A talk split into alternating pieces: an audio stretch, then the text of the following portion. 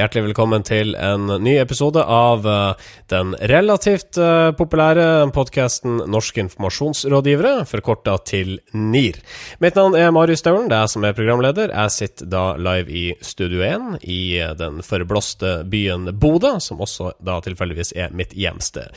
Og på link som jeg har vært og tjuvlånt av NRK Nordland, så har vi en mann i rutete skjorte aller først.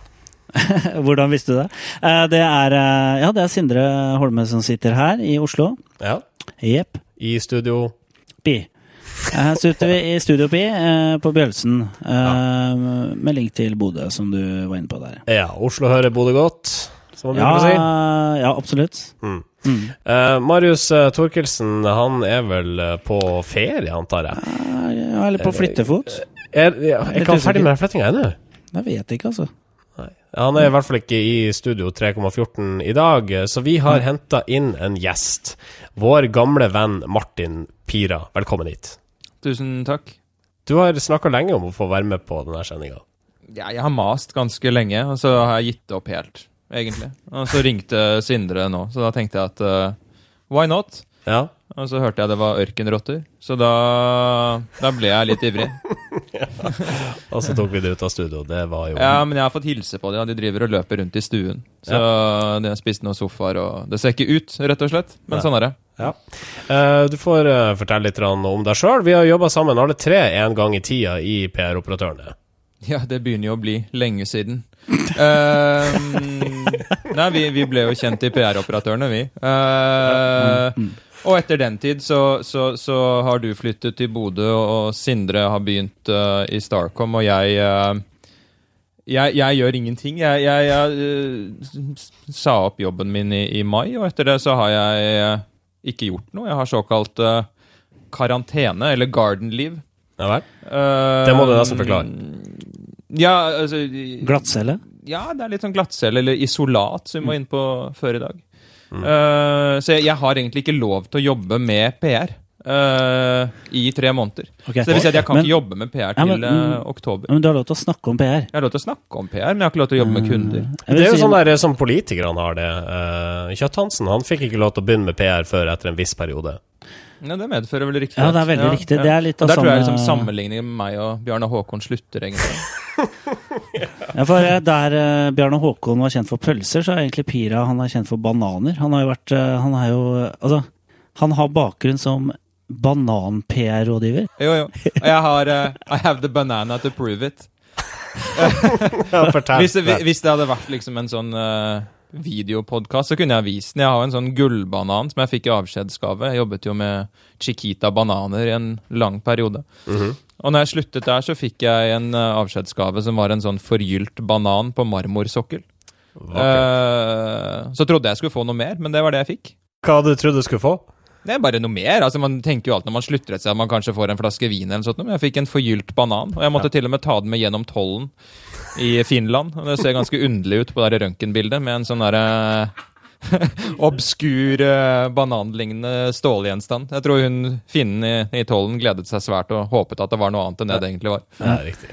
Men uh, altså, bananer. Eh, hvordan driver man PR for det? Liksom, hva er forskjellen på en banan og en annen banan? Hva er en bra banan, da? Ja, så det er jo helt PR-messig bra banan. Ja. En, en eh, bananhistorie. Banan er banan, Sindre. Det er vel liksom det altså, jeg fant ut av etter hvert etter å ha jobbet der. Det er liksom ikke, det er ikke så stor forskjell. Så det handler om å danke ut appelsiner, ikke andre bananer? Nei, ikke andre bananer, egentlig. Nei. Nei, så det var ikke snakk om at Chiquita er best, men Chiquita er bedre enn aprikos, f.eks.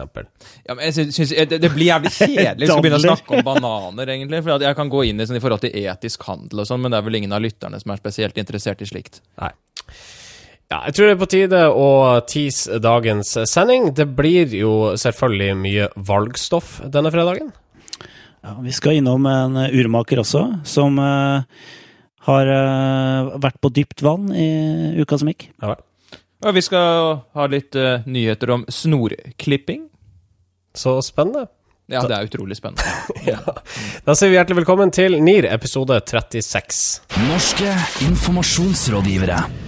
Vi eh, begynner denne sendinga hos eh, statsminister Jens Stoltenberg.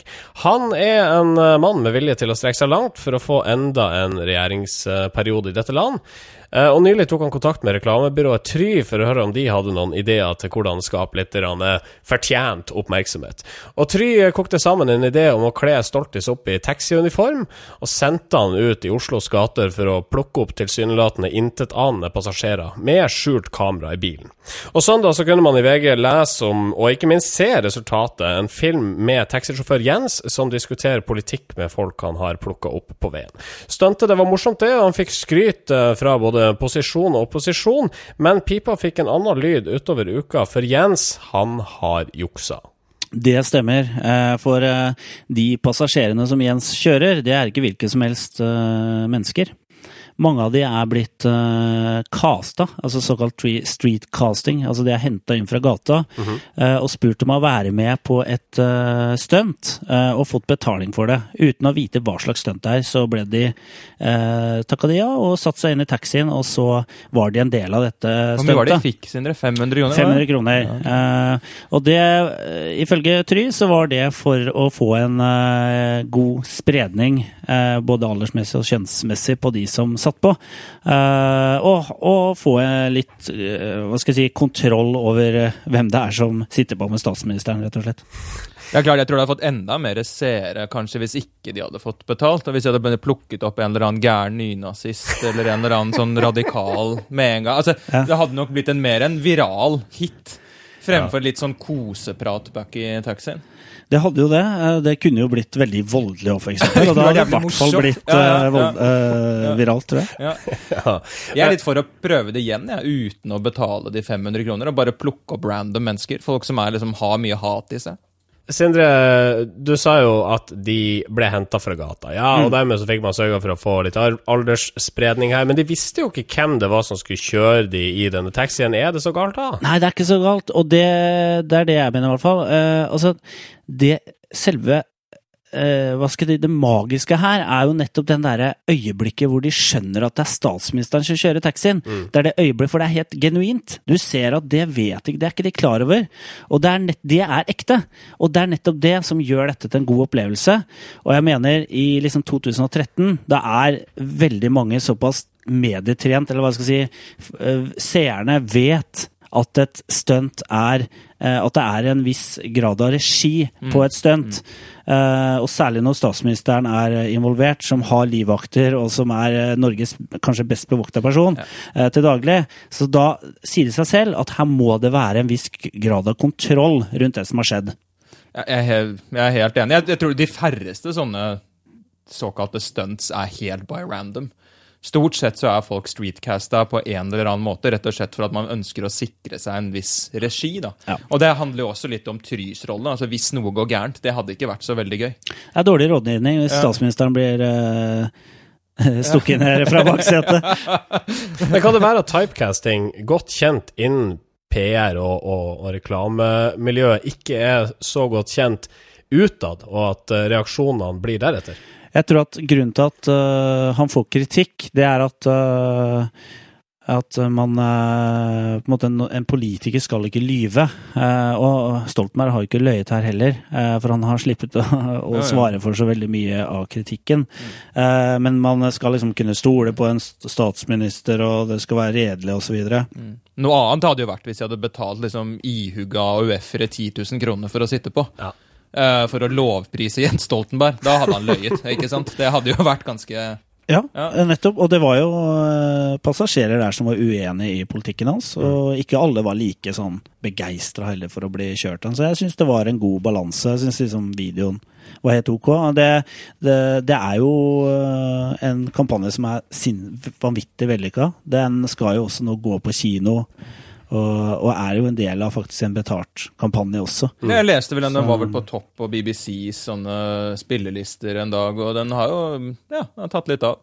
Skal vi prøve oss på en tommel opp eller tommel ned for Taxi Jens? Tommel opp. Ja, tommel opp fra meg. Norske informasjonsrådgivere. Eh, vi holder oss i politikken, for det er jo straks stortingsvalg. Kanskje ikke så rart at det også preger denne sendinga her. Eh, som, all, som, ved alle andre valg, så er det et politisk mål å få de unge til å benytte seg av stemmeretten. For det er nemlig lav oppslutning blant de unge velgerne. Nesten halvparten av dem under 30 velger å droppe turen til valgurnene.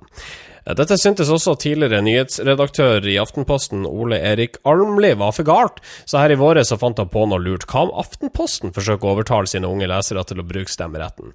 Og Etter hvert så fikk Oslo Blekka med seg flere aviser i satsinga, og nå er det i alt 26 aviser rundt om i landet som deltar i kampanjen Min stemme 2013, og altså målet er å få de under 30 til å benytte seg av stemmeretten. Spørsmålet vi stiller oss er nytter det egentlig?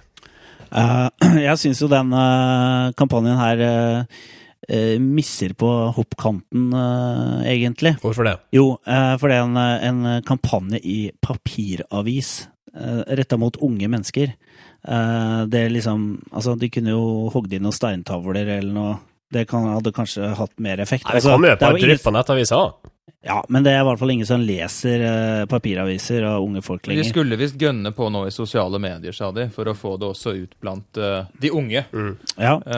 Um, og det er vel kanskje det som skal til. Men jeg tror liksom det, det ligger jo mer et sånt fundamentalt spørsmål her. Jeg, altså, jeg tror egentlig unge mennesker gir stort sett faen, jeg. Hvorfor det? Ja, man, man har det rett og slett for godt. Og det er derfor man, man, man, kjenner ikke på hvor heldig man er i å bo i et demokrati. Jeg tror egentlig unge mennesker mange unge mennesker skal ikke skjære alle over en kam, men mange bare tenker at nei, vi har det så bra. Altså, om det blir Høyre, om det blir Arbeiderpartiet Fader, det kommer ikke til å gjøre så store liksom, utfall uansett. Uh, derfor gidder jeg ikke å stemme. Og da tror jeg man kan stå der liksom, og skrike på barrikaden, og gjøre, men jeg tror ikke du får aktivisert dem på samme, samme måte. Hva skal til for å få unge til å stemme, da? Krig.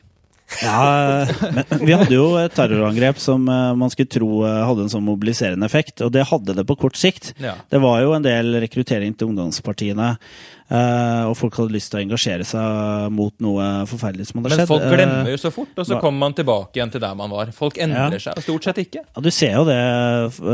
For noen år siden så var jo f.eks. SV hadde jo veldig mange unge velgere. Nå er de, og det er jo veldig skremmende for SV, de er jo sammen med Frp. Det er partiet som uh, rekrutterer færrest, eller som har færrest unge velgere. Eh, og det er jo, Men det har jo noe med det politiske bildet å gjøre også. For pol- eh, SV i regjering Plutselig har vi kanskje ikke noe protestparti. Vi har kanskje ikke noen tydelig opposisjon. da. Altså, vi har ikke Jeg tror ungdommer som da ønsker å på en måte stå for noe alternativt, eller eh, på en måte ha, eh, gjøre opprør, da, eller ønske å liksom, eh, kritisere det bestående, de finner kanskje ikke De føler seg ikke hjemme i noe parti, da. Hva med Miljøpartiet De Grønne eller Rødt, da? Jo, det kan hende. Eh, Rødt er jo eh, veldig langt på venstresiden, og Miljøpartiet De Grønne er et, et eh, ensaksparti, sånn at eh, det, det kan jo hende eh, det burde være mer engasjement der. Mm. Eh, men, jeg, men jeg tror at hele det politiske landskapet er så konformt, da. At det, det føles liksom ikke det, det er vanskelig å orientere seg, det er én ting. Eh, og veldig mange partier er egentlig veldig enig. Jeg tror jeg meste. så sto jo også i Morgenbladet her på fredag en, sånn, en sosiolog som heter Guro Ødegård.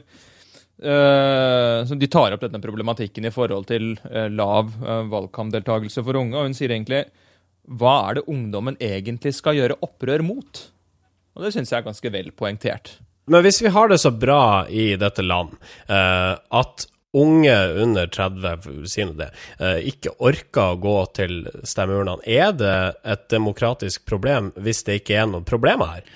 Eh, Det er et demokratisk problem fordi, ikke, fordi at eh, de som da sitter på Stortinget, ikke representerer eh, så veldig mange uh, stemmer. Eh, og det er jo når liksom det største partiet er det som ingen stemmer på, uh, som ikke finnes, så er det jo klart da må man jo prøve å gjøre noe. Jeg, jeg ser helt klart det, at man må prøve å mobilisere unge velgere. Men eh, jeg vet ikke. Eh, Kanskje blir det for liksom, komplisert. Budskapene er for like. Jeg kjørte akkurat forbi en buss på vei opp hit. Der er det fra Venstre, og der står det 'Venstre satser på skole'. Mm. Er det et vinnende budskap? Altså Alle satser jo på skole i større eller mindre. Altså, det er ikke noe differensiering i det hele tatt. Det hadde vært et bedre budskap Venstre satser ikke på skole. Ja, det, er for eksempel, det hadde vært jævla morsomt. Ja, det altså. vært litt Ja, ja, interessant. ja. Da hadde jo vekka nysgjerrigheten. Og jeg Ja, ja. med det, liksom. Ja til Altså, rasisme, sier Venstre. Ja. miljøet er bra. Ja.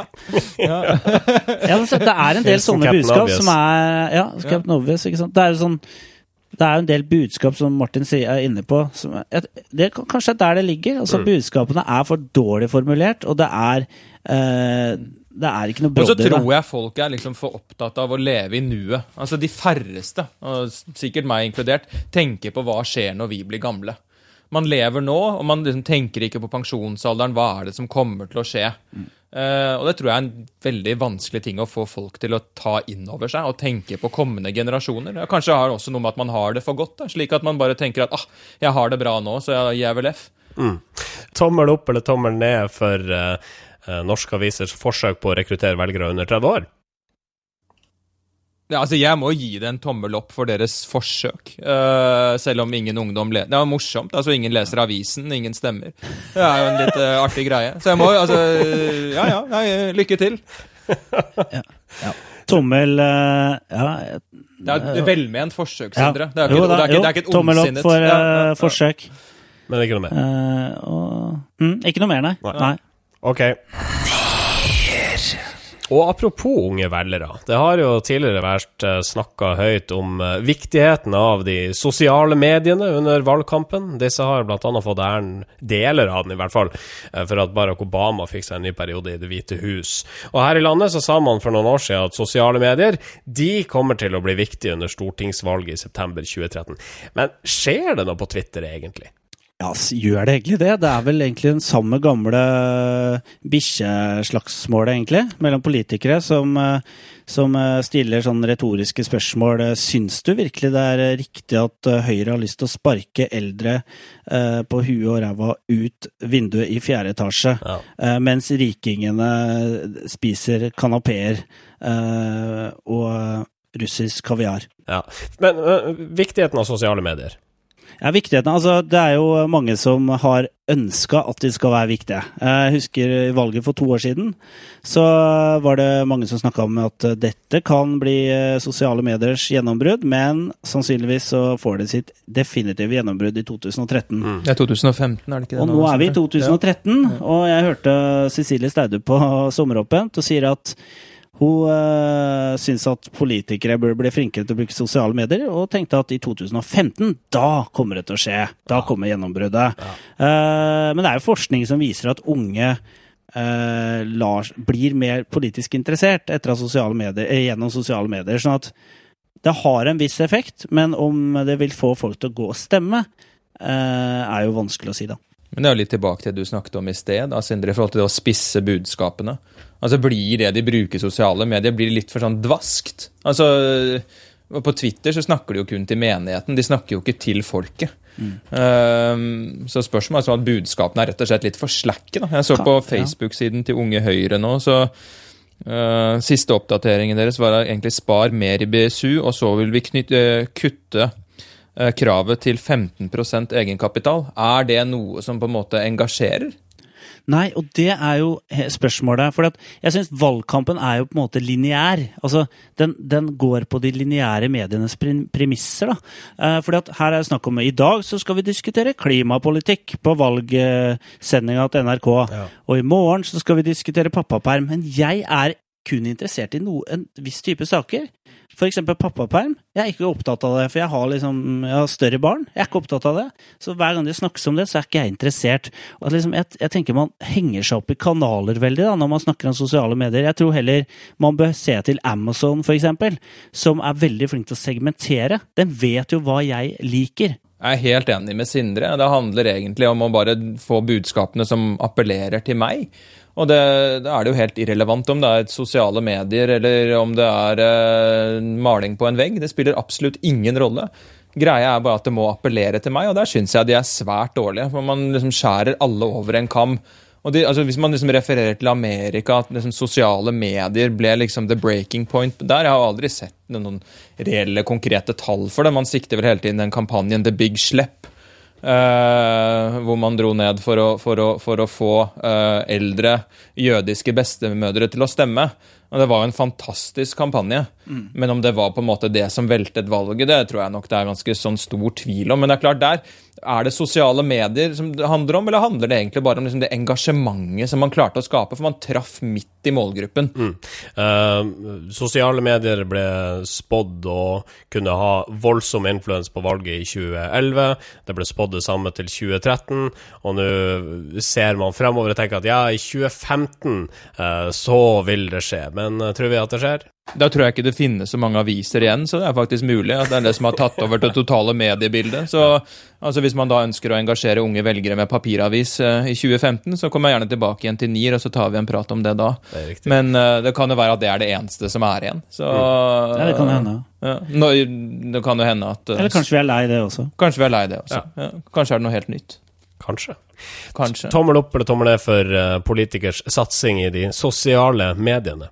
Jeg har ikke lyst til å gi noe tommel. Altså, de, må jo være, de må være på alle kanaler så, som er tilgjengelige. Noen av de er flinke, andre er mindre flinke. Det blir spennende å se nå innspurten om det kommer noen litt heftige kampanjer, om noen tør å gjøre noe som er litt annerledes. Eh, så går det an å gi flat tommel? Ja, det går vel an. Vi har, vi har vel ikke Er det, praktisert er det før? er det, er det, er det kontroversielt? Ja. Du kan jo gi fingeren, da. Ja, men det har jeg ikke lyst til å gi her. Det det kommer litt litt senere, eventuelt. Ja, okay, Ja. ja. Skal vi uh, tommel opp eller tommel ned til uh, sosiale medier-predikanten Cecilie Staude? Tommel ned i det tilfellet. Ja, dette her må nok bli en tommel ned, dessverre. Norske informasjonsrådgivere. Eh, Vi tar et siste segment eh, om politikk før vi beveger oss videre. Det blir sikkert mer i forbindelse med stortingsvalget allerede i neste episode av NIR, antar jeg. Vi skal nå prate om Grete Knutsen. Eh, Den tidligere Ap-toppen som vi sist hørte fra som nærings- og handelsminister i 2000-2001, er aktuell med ny bok. Eh, En biografi, og som ved de fleste andre bokslipp så kommer det noen drypp da gjennom pressen. Og disse dryppene fra Knutsen består av ramsalt kritikk av dagens Ap-topper. Gro var konspiratorisk, Jens var unnvikende, og Jonas drev solospill i EU-forhandlingene. Det melder blant andre Bergenstidene.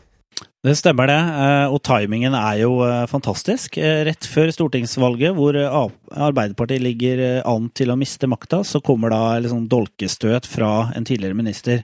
Nå husker jo, det er ikke så lenge siden Torbjørn Jøgland var ute på forsiden av DN heller, og sier at han tror slaget er tapt. Så de får mye motbør da, fra tidligere eh, kollegaer, eh, de som eh, Men som du sier, Sindre, for et fantastisk tidspunkt å lansere en bok på. Det kan jo ikke være bedre. Nei, det, det er jo et kjempebra tidspunkt. Uh, Grete Knutsen sa jo selv at uh, ble jo stilt det spørsmålet flere ganger på pressekonferansen, og svarer at uh, ja, det er fordi at nå er folk opptatt av politikk. Ja, for du, du reagerer på at Knutsen kommer med dette nå i valgkampen, og med denne boka og disse uttalelsene kan skade sitt tidligere parti. Ja, men det er én ting, men en annen ting er liksom og at man sminker på sitt Altså gli, Hva skal jeg si Smører utover sminka da, på sitt, e, sitt ettermæle. Et forferdelig dårlig bilde, men altså Språklig bilde. Men eh, altså, det er på en måte det, det som jeg reagerer på, det er at en person som har hatt en lang politisk karriere, hatt toppjobber og og, liksom, og egentlig klart seg ganske bra, kommer da liksom 10-12 år etter at den har gått av, og på en måte begynner å virke bitter og sur og, og, og måte og ikke klarer å legge ting bak seg. Og da tenker jeg sånn eh, hva, hva tenker man på da? Hvorfor ønsker man liksom ikke at å legge ting død, da. Eh, det tror jeg hadde vært eh, beste for henne. Men det er klart, eh, hvis hun ønsker å selge bøker, så eh, Jeg hadde, jeg, jeg, hadde gjort det akkurat på samme måten. Ja. Og samtidig så syns jeg også de andre Ap-toppene må tåle å høre det. Og de burde egentlig være forberedt på om det kommer nå, i morgen eller en eller annen dag. Og her har hun en god bokidé og et, eh, godt forlag i ryggen som har sikkert støttet henne, og de vet at de kommer til å selge bøtter og spann av den boka. Eh, så jeg syns jo det er uh, jeg synes det, i- Samme som du sa i sted, da, Sindre. Hvorfor må alle gå ut og være forbanna og klage? Ikke sant? Hadde ikke de sagt at åh, nei, dette her er grusomt, og rådgiveren til Brundtland Mørland gikk ut og sa dette har jeg ingen kommentarer til, fordi at Gro ønsker vel ikke å kommentere noe selv. Eh, så jeg syns eh, kanskje hun maler bildet slik det er. Er ikke det også en sånn opplysning for, for velgerne, for å vite liksom litt mer hva som skjer behind the scenes? Jeg syns det er litt for lite av det i Norge.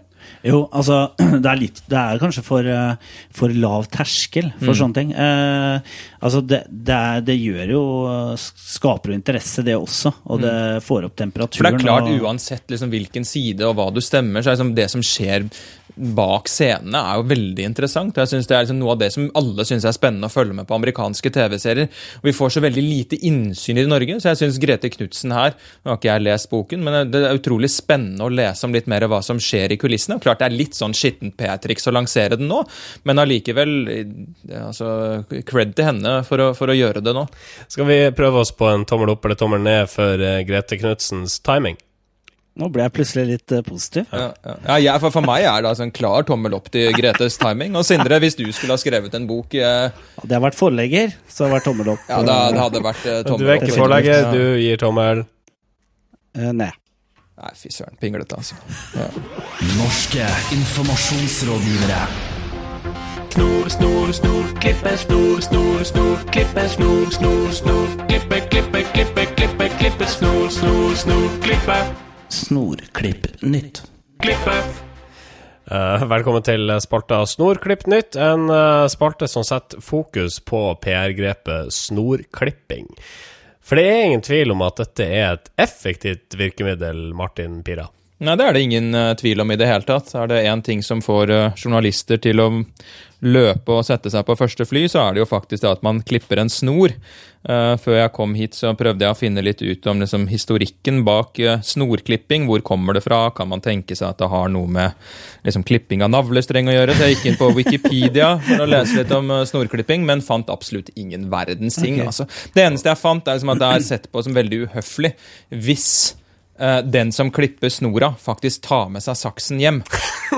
Wow, det var ikke vi klar over. nei, nei, nei, nei, veldig Hvorfor er snorklipping så effektivt, tror du? Altså, det er jo, det er jo en eh, tydelig markering. Alt, uh, alt som mark kan markeres uh, med en litt sånn odd uh, rituale, eh, er noe journalister er veldig glad i. Altså, De vet at der kan de ta bilde av noe. Altså, Det er liksom vanskelig å ta bilde av en ny isbane, på en måte, er ikke eh, så som er vanskelig. åpna. I hvert fall hvis det er på sommeren, så er det vanskelig. Nå la du inn mye forbehold der eh, for å redde ditt eget skinn, men eh, det er greit. Du har altså Du har, du har søkt, Sindre, etter uh, snorklippinger rundt om i det ganske land. Ja, Snorklipping er eh, hottere enn noensinne. Wow. Altså, Folk har ikke bytta ut det med, med liksom saging av stubbe eller eh, hva skal jeg si eh, knusing av ølflasker. Nei, Nei. det er snorklipping som gjelder. Eh, og hittil i august, bare hittil i august, så er det 14 saker eh, om snorklipping. Ja. Og du har funnet fram til tre eh, finalister, kan vi vel kalle det. Ja, eh, vi har en eh, finalist her eh, fra Varden, eh, som handler om da skomaker Lene Vilma Skjøtt, som nå satser for tredje gang på skoverksted i Skien sentrum.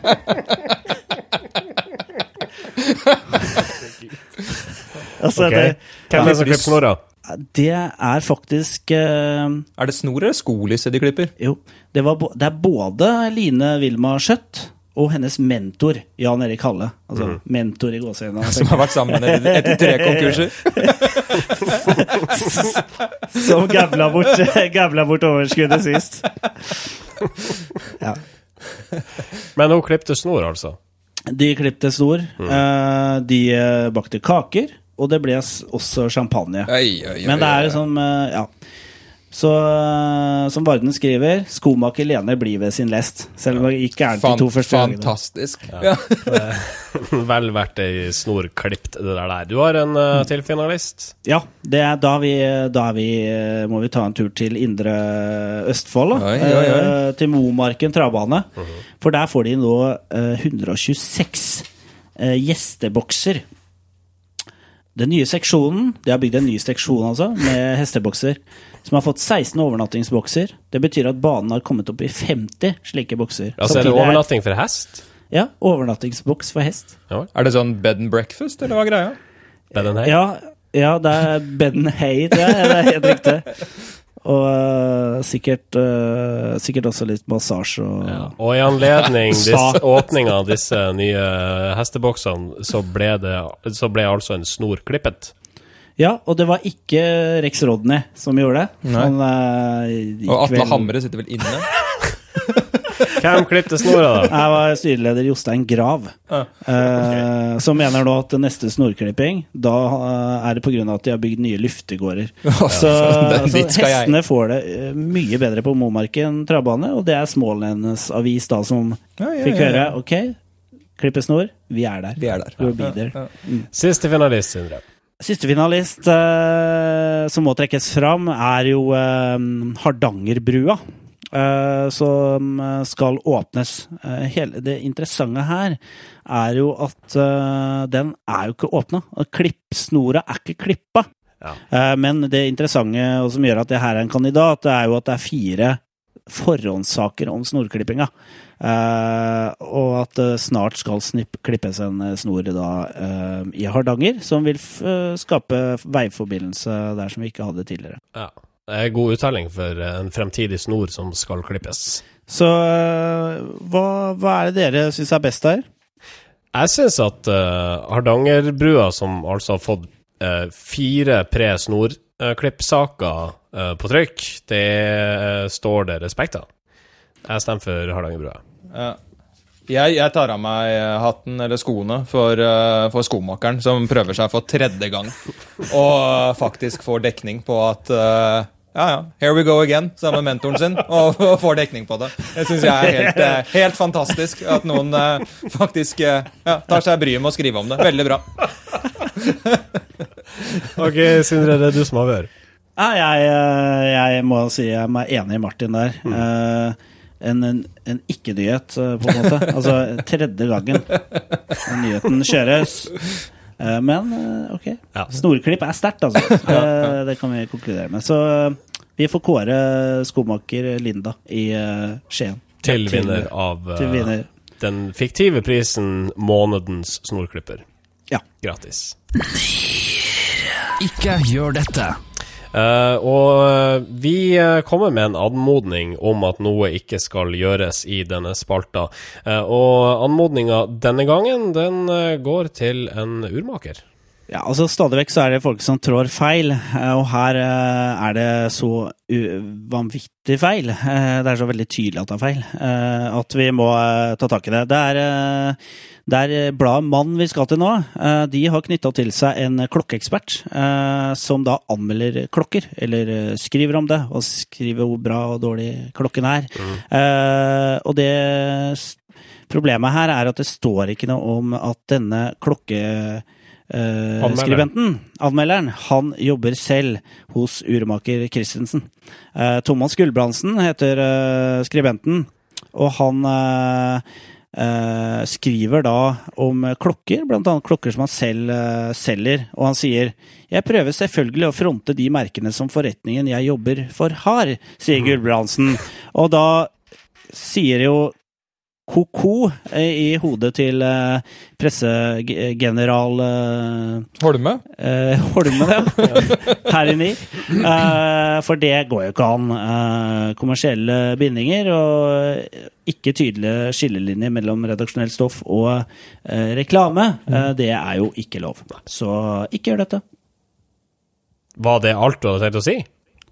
Men skulle vi si noe mer? Jeg kan jo godt legge på at det er jo egentlig ikke han stakkars Christensen sin feil. Nei. Nei. Uh, altså, for, for, Jeg skjønner jo hans poeng oppi det hele også. Han føler at han ikke gjør noe galt, men det er jo bladet Mann som absolutt burde ha satt ned foten her og sagt at hør nå her, og gjort litt grundigere research på forhånd. For uh, alle vi som har jobbet med PR, har jo også kommet borti kunder som uh, på en måte ikke helt klarer å skille mellom det som er ren reklame og det som faktisk er fortjent oppmerksomhet. Eh, så her mener jeg at bladet Mann burde ha satt ned foten og sagt at uh, helt greit at noen av klokkene er dine, men vi er også nødt til å ha med oss klokker som dere absolutt ikke fører. Du er hyret inn som en uavhengig klokkeekspert, og ikke, dette er ikke en kjøpt og betalt annonse. Det, er, eh, det her er jo ikke et veldig uvanlig fenomen heller. Nei. For når det gjelder den type nisjer, da, som klokker jo er, det er ikke så mange klokkeeksperter i Norge, da er det van men allikevel så er det et type stoffområde som mange i, av mannen sin lesere kan være interessert i. Ja. Sånn at eh, det- å finne folk uten bindinger over hodet, som er opp, veldig opptatt av klokker,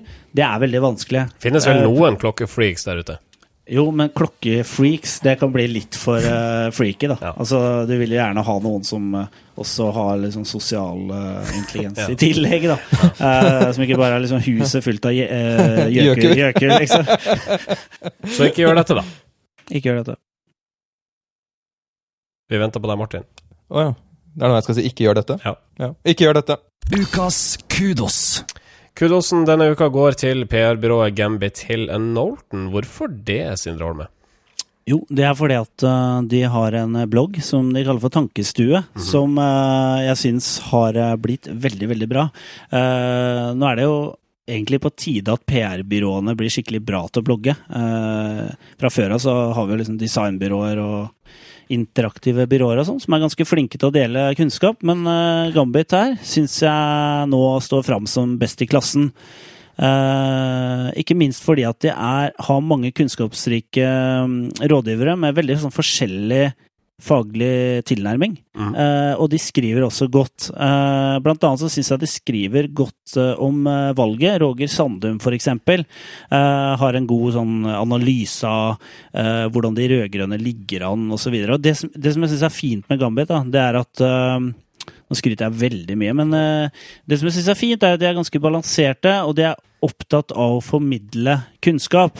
Og er kanskje ikke så spissformulerte som andre, visse andre PR-rådgivere er. eh, men liksom klarer på den måten å gi meg som leser mer innsikt, da. Og det er jo må jo være poenget med en eh, PR-blogg, tenker jeg. Eh, så jeg syns det er både veldig vidt spenn, og det er godt eh, håndverk, rett og slett.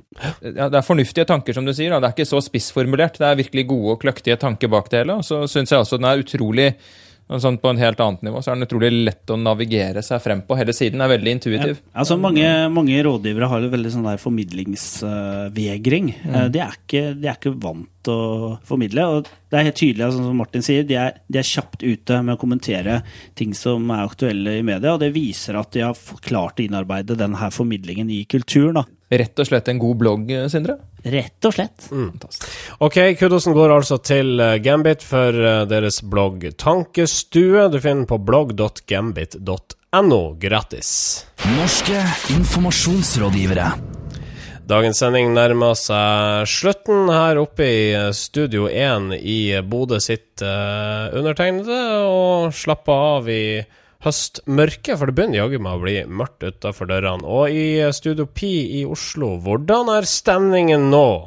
Ja, den er kjempegod. Er til å ta og føle på. Ja. Ja, ja, det er så dårlig luft der at eh, den Ja, kan du absolutt ta og føle på. Ja, ja. Eh, vi tar med et tips helt til slutt. Vi har fått et lesertips fra Andreas Ilebekk.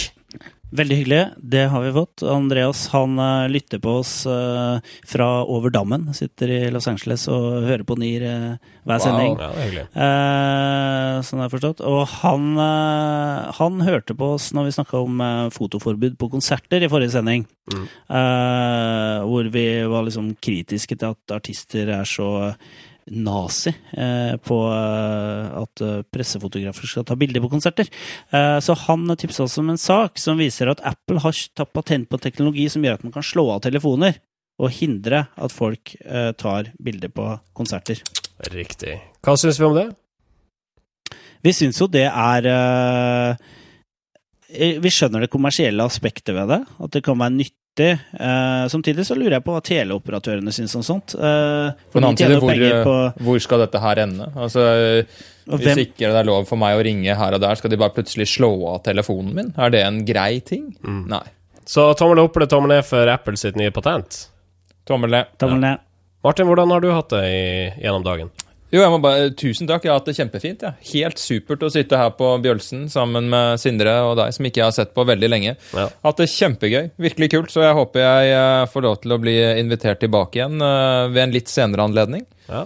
Takk for at du kom. Vi har en eh, Facebook-side, facebook.com slash nearcast. Klikk deg inn der og lik oss hvis du vil. Vi har en e-post som vi gjerne tar eh, imot tips eh, i. Mm. den adressen der er nearcast at yahoo.com. Ja, og vi har uh, alle våre podkast-episoder uh, tilgjengelig på iTunes, men vi har uh, de siste også på Soundcloud. Vet du hva adressa er, Martin?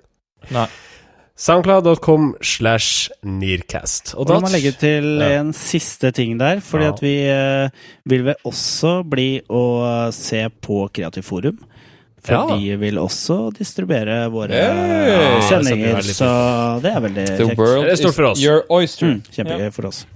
Da tror jeg vi setter sluttstrek, og det gjør vi ved å si våre navn i den riktige rekkefølgen. Og da begynner jeg, da. Mitt navn er Marius Staulen. Sindre Holme. Og Martin Pira. Ha en fortsatt fin dag. Norske informasjonsrådgivere.